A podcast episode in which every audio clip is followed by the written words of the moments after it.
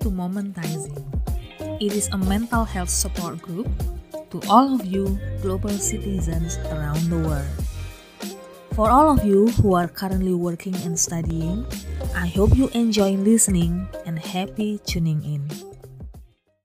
Hello everyone, I'm Esta Gracia, cross cultural marriage and parenting consultant and the founder of www.momentizing.com. Kali ini aku mau bahas selanjutnya tentang passion and purpose of life. Nah, ini ya. Ini topik yang paling hangat menurutku yang sekarang ini kalau aku lihat di Indonesia tuh bener-bener lagi hangat diperbincangkan gitu ya. Kayaknya banyak banget selain uh, anak muda bahas tentang isu toleransi, terus uh, tentang bisnis, tentang startup, e-commerce, uh, entrepreneurship. Terus ada lagi nih banyak terus kegangguan mental uh, bahas kalau sesuatu yang berhubungan sama psikologi itu ada hubungannya juga sama passion gitu sama purpose of life atau tujuan hidup. Sebenarnya apa sih passion itu gitu ya? Apa sih purpose of life itu? Kenapa keduanya itu penting dan bisa membuat seseorang itu kehilangan arah gitu ya dalam hidupnya dan mereka ujung-ujungnya bisa depresi, bisa frustrasi, bisa uh, mengalami gangguan mental atau psikologis yang benar-benar um, parah gitu. Nah, sebenarnya begini teman-teman. Kalau kita bahas masalah kehidupan gitu, hidup itu kan proses ya. Cuman terkadang kalau salah satu ciri-ciri um, generasi milenial adalah generasi yang dikenal dengan um, kerentanan untuk mengalami stres dan serba instan.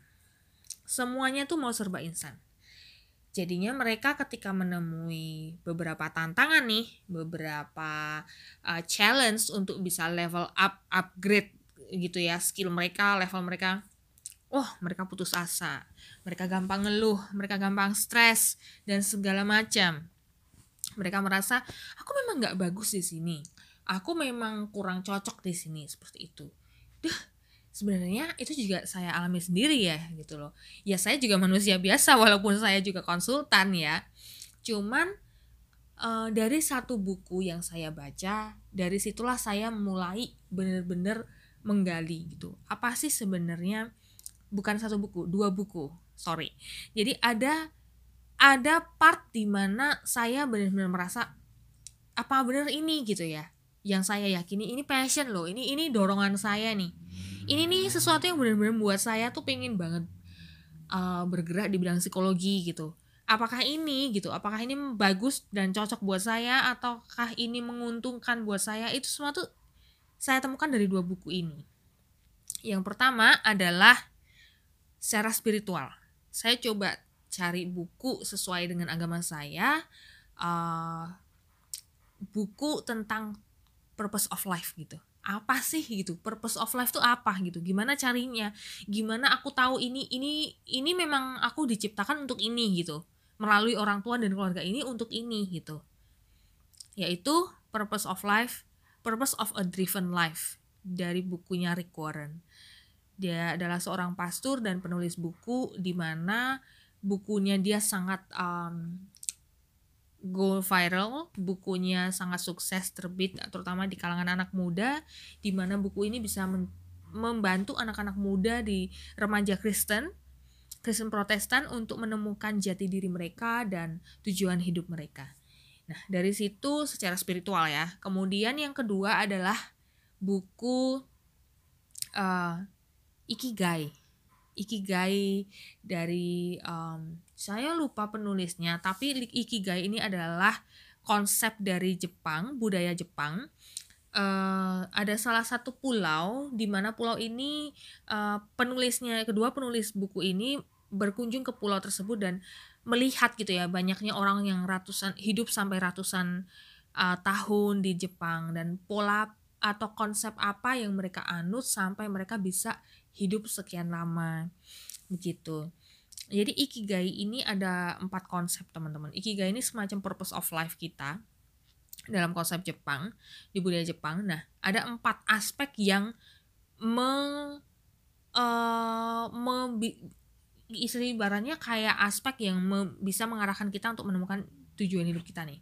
Pertama adalah what do you love at? Apa sih yang teman-teman suka? Apa yang teman-teman cintai yang kira-kira nggak perlu dibayar pun teman-teman lakuin. Teman-teman sakit teman-teman uh, capek teman-teman perlu lembur teman-teman kerjain. Apa sih itu? Dan teman-teman bagus di situ ya. Nah itu um, salah satu poinnya.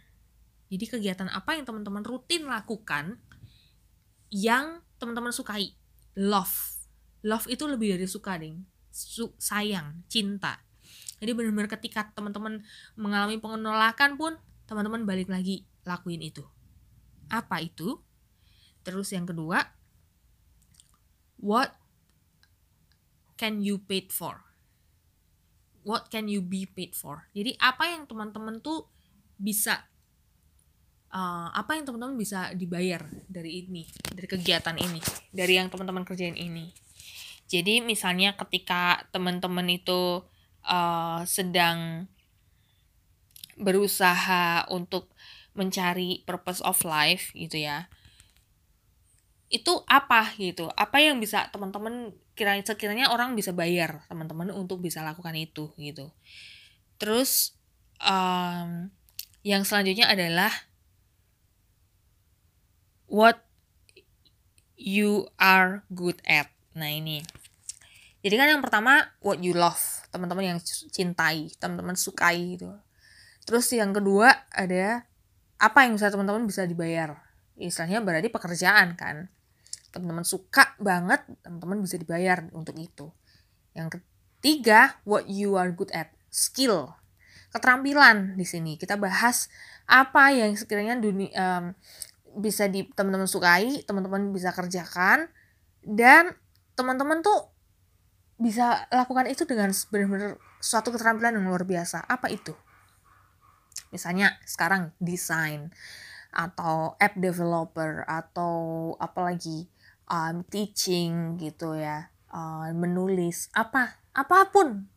Jangan coba jangan coba abaikan sekalipun itu ter, terlihat kecil gitu teman-teman. Misalnya kayak ah, aku cuma bisa nulis nulis nggak penting kok. Menurut teman-teman nggak penting tapi siapa tahu ketika teman-teman coba uh, publish buku teman-teman itu menjadi hal yang penting bagi orang lain untuk mendengar lewat bacaan dari buku itu gitu loh. Jadi coba deh teman-teman yakinkan diri sendiri apa sih sebenarnya yang menggerakkan aku buat bangun pagi buat oh kalau ini aku sampai ditolak lagi nggak apa-apa. Yang penting aku tetap kerjain aku bagus di sini. Aku yakin skillku itu mumpuni gitu. Hanya aja akan aku berada dalam suatu um, waktu yang belum pas untuk aku seperti itu. Terus yang terakhir adalah what the world needs. Apa sih yang dunia ini butuhkan gitu ya? Jadi apa sih yang sebenarnya dunia ini butuhkan? Misalnya nih, uh, aku misalnya saat ini nih, aku tinggal di Taiwan, di mana uh, aku tinggal di Taiwan ini tidak banyak orang yang bisa yang bisa aku akses tentang psikologi gitu loh teman-teman karena mereka sangat tertutup masih sangat tertutup tentang psikologi gitu ya masih tidak se wow atau seheboh dengan penelitian atau uh, pekerjaan yang berhubungan dengan education seperti teaching atau engineering gitu ya, teknisi seperti itu. Tapi apa sih yang sebenarnya aku bagus di sini gitu? Oh, aku adalah seorang konsultan, aku bisa menulis, aku bisa um, membagikan cerita ini ke teman-teman lewat podcast. Nah, jadilah di sini uh, sesuatu yang bisa dan sebenarnya mereka butuh gitu. Di Indonesia masih butuh informasi-informasi ini. Di Taiwan juga banyak orang Indo yang sebenarnya juga atau teman-teman Indo atau teman-teman orang Taiwan dan negara lainnya yang perlu sebenarnya mendengar cerita-cerita ini. Jadi apa ya teman-teman? Ketika kita tuh berusaha sekali kayak memfitkan apa sih passion kita yang kadang tidak sesuai dengan kebutuhan yang kebutuhan saat ini misalnya kebutuhan lingkungan teman-teman atau komunitas teman-teman deh itu kurang pas gitu. Coba cari yang sesuatu yang coba menghasilkan. Kalau memang passionmu kamu rasa tidak cocok saat ini dan kamu pingin passionmu juga bisa menjadi salah satu uh, sumber mata pencaharian gitu ya.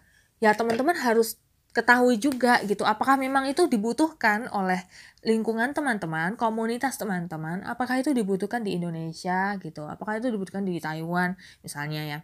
Jadi itu penting sekali untuk kita tahu. Sedikit banyak cerita gitu. Uh, dari kecil uh, sekitar usia 12 tahun saya tuh sudah pengen menjadi seorang psikolog gitu. Seorang sebenarnya bukan psikolog psikolog gitu ya. Dulu saya pikir oh psikolog itu hanya satu orang yang menangani anak-anak yang hanya bisa menangani anak-anak gitu anak-anak berkebutuhan khusus terutama. Karena uh, background saya adalah seorang kakak dari adik yang slow learner gitu. Saya punya adik satu yang slow learner dan uh, sekarang setelah saya melihat perkembangannya ya luar biasa sekali. Jadi saya berpikir oh saya pengen jadi seorang psikolog gitu. Karena saya sering melihat ibu saya waktu kecil itu ketemu sama beberapa psikolog gitu ya. Saya mikir oh kayaknya seru ya jadi psikolog dealing sama parents dan sama anak kecil gitu. Nah sampai akhirnya uh, saya kuliah di Undip psikologi kemudian S2 nah mencari proses dalam mencari sekolah untuk yang mau menerima saya itu luar biasa susah dan dari situ saya melihat kayak sepertinya saya kurang fleksibel deh gitu saya tuh memang passionnya di psikologi. Tapi psikologi misalnya gini ditanya psikologi apa? Psikologi anak.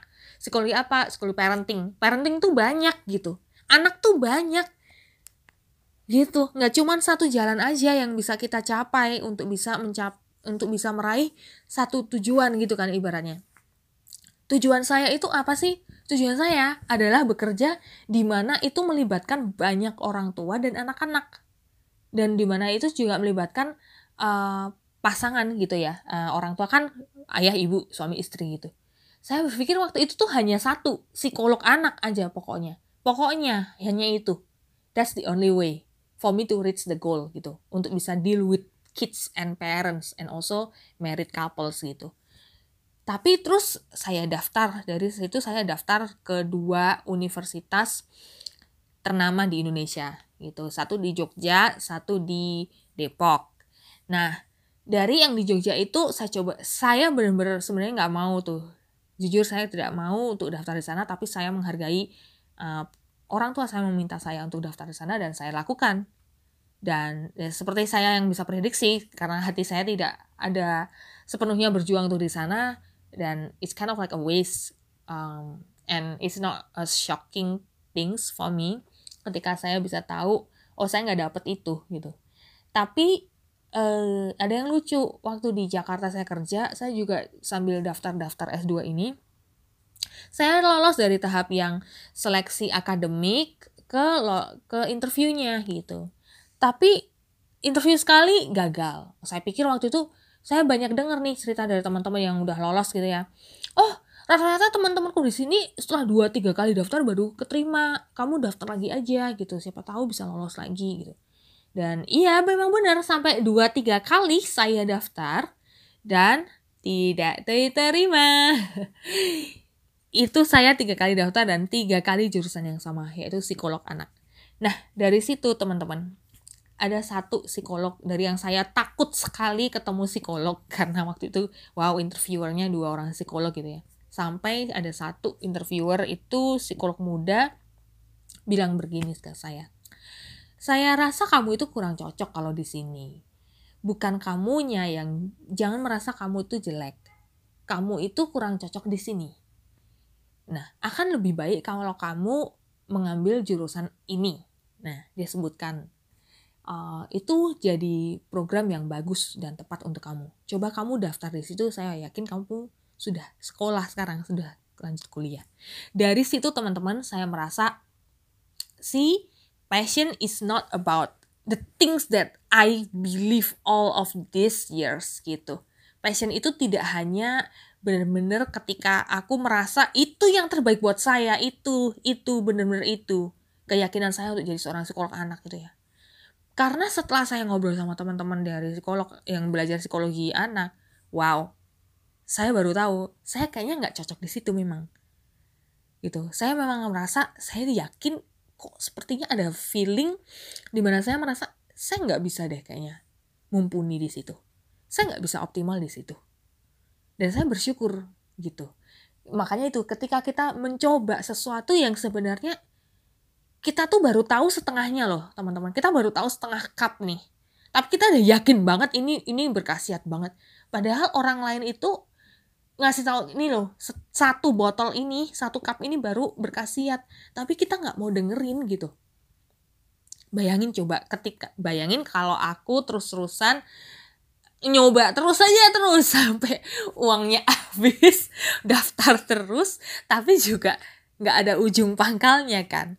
Nah dari situ uh, saya coba daftar di Taiwan dan kebetulan sekali kok ya di Taiwan itu batch saya atau angkatan saya it, uh, ada sekitar lima orang di mana satu orang itu perwakilan dari satu negara.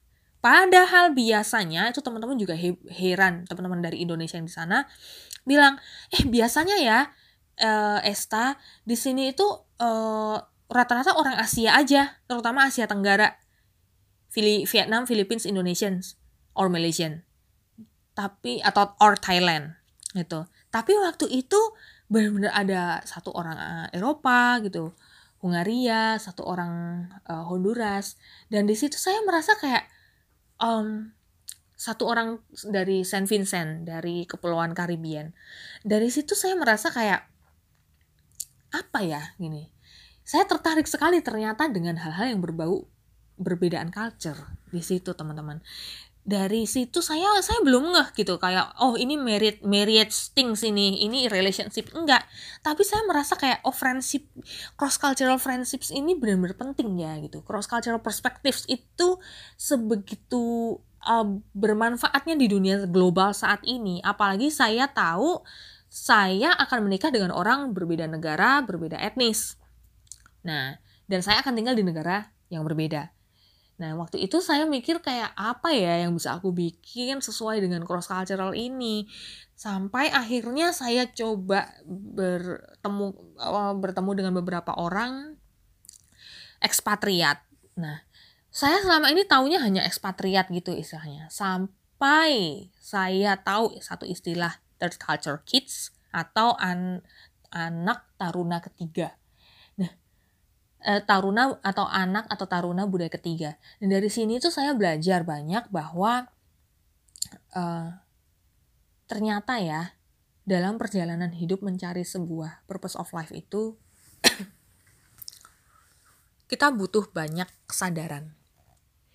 Kesadaran satu, kesadaran diri. Kita harus aware teman-teman. Kita harus terbuka, terbuka terhadap evaluasi, terhadap terbuka terhadap um, apa sih yang sebenarnya pengalaman mau ajarkan gitu ke kita? Kita harus siap kita harus tahu ketika pengalaman bahkan pengalaman pahit yang kayaknya tuh penolakan dan kegagalan selalu terjadi ya. Tapi dari situ teman-teman bisa belajar. Apa sebenarnya yang teman-teman cari gitu? Apa yang sebenarnya membentuk diri atau karakter teman-teman semua gitu? Jadi ketika kita sudah dihadapkan dengan uh, sebuah passion ya atau dorongan. Kita harus tahu cup cup kita cup isinya informasi perspektif asumsi dan segala macam hal tentang kaitannya tentang apa yang kita yakini itu. Itu benar nggak? Sudah full cupnya atau masih setengah informasi kita tentang itu? Gitu. Ketika kita tahu nih uh, ini keyakinan kita nih. Terus kita bertemu dengan orang yang sudah deal with the same interest gitu ya, areas of interest dengan kita. Kayak seperti misalnya saya ketemu dengan psikolog anak dalam situasi interview teman-teman.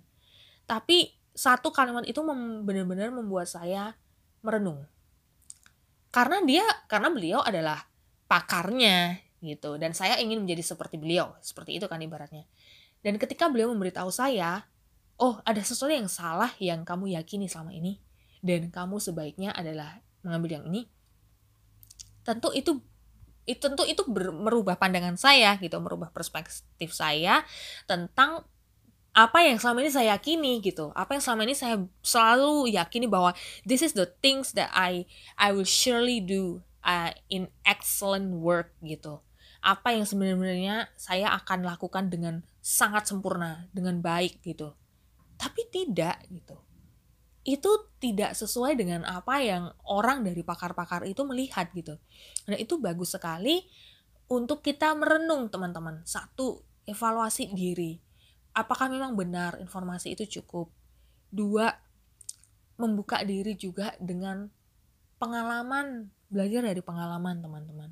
Pengalaman dari pengalaman kemenangan, pengalaman kegagalan, itu semua teman-teman bisa jadikan satu acuan apa? Passion atau drive? Dorongan yang selama ini benar-benar teman-teman yakini ini alasan aku untuk bangun tidur. Ini alasan aku untuk melakukannya. Sekalipun aku tidak perlu dibayar sekalipun aku uh, sakit aku gagal aku kecewa terhadap penolakan tapi aku masih mau menggeluti ini. Apakah itu? Seperti halnya yang saya bilang tadi parenting. Parenting bisa menjadi hal yang sangat luas gitu ketika teman-teman yakini oh aku mau menjadi seorang pakar parenting. Parenting seperti apa? Banyak sekali pakar parenting di dunia ini gitu ya. Apa yang teman-teman yakini mau lakukan? Spesifikasinya apa? Gitu. Dan ketika orang sudah menjadi master disebut master itu kan berarti kan adalah ibarat kayak guru gitu ya. Harus ada sesuatu yang memang membuat kita berbeda dari orang lain teman-teman purpose of life ini bisa menjadi hal yang sangat uh, bermanfaat bagi orang lain. Coba kalau misalnya teman-teman merasa sulit sekali, apa ya passion, apa sih purpose of life aku? Coba saya minta teman-teman tulis setiap hari satu kegiatan yang teman-teman sukai hari itu. Tulis dengan detail. Satu misalnya, hari ini aku presentasi di depan teman-teman semua di kelas misalnya tulis itu. Satu satu kegiatan yang setiap hari teman-teman tuh kayak oh this I love this activity I love this event gitu. Apa sih itu? Nah teman-teman bisa tulis itu. Dua dari situ teman-teman bisa simpulkan dalam misalnya misalnya dalam seminggu gitu ya. Oh apa nih ini? Kira-kira ada hal yang sama nggak? Gitu. Yang relates yang berhubungan. Misalnya presentasi terus baca buku apa sih? Itu berhubungan kan? Nah apa? Topik apa yang yang teman-teman lakukan misalnya oh aku hari ini presentasi tentang uh, nature misalnya tentang alam. Uh, aku membaca buku tentang animal misalnya. Nah itu itu apa? Oh berarti ekosistem. Oh aku minat di apa ya? Nah ada sesuatu yang rilis dari situ dan yang ketiga nanti bisa teman-teman tulis um, setelah rang, setelah teman-teman tulis setiap hari kedua dirangkum dalam satu minggu ketiga teman-teman bisa mulai amati amati apa yang sebenarnya teman-teman uh, nyaman, komunitas apa. Kan itu teman-teman lakukan sendiri. Terus yang ketiga, apa komunitas apa yang teman-teman bisa gabung atau teman-teman sekiranya minati. Nah, atau yang saat itu saat ini teman-teman jalani bersama teman-teman yang lain. Apa itu? Komunitas membaca, komunitas uh, uh, desain, komunitas budaya, apa? Pasti ada dari situ yang sekiranya menarik minat teman-teman gitu. Banyak pilihan tidak masalah. Nanti balik lagi kan teman-teman tulis tuh kegiatannya setiap hari. Nah ketika teman-teman tulis itu kan ada beberapa pattern yang mirip yang frekuensinya terjadi berulang lebih daripada kegiatan yang lainnya. Dari situ teman-teman bisa lihat kalau oh ini loh this is my passion this is what I aim for this is what I want to do. I am willing to do. Dari situ teman-teman baru tahu oh purpose of life itu apa. Dengan segala passion teman-teman ini. Begitu. Dan yang terakhir adalah being flexible. Teman-teman harus ingat bahwa perjalanan hidup seseorang perjalanan hidup kita itu berubah bisa benar-benar berubah dengan adanya suatu kondisi yang dipaksa ter, karena terpaksa atau memang karena tidak ada pilihan atau memang uh, adanya in, interest atau ketertarikan yang lain pada suatu hal. Tidak masalah teman-teman. Kita harus tahu fleksibilitas kita. Kita harus tahu di mana kita harus menempatkan diri. Passion yang sekiranya masih mirip dengan apa yang kita lakukan tapi itu disesuaikan dengan lingkungan kita. Apa sih society public society needs gitu Nah, itu teman-teman bisa cari. Gitu semuanya dan semoga kita semua bisa hidup dan menghidupi diri kita dengan keterampilan-keterampilan dan keyakinan yang kita punya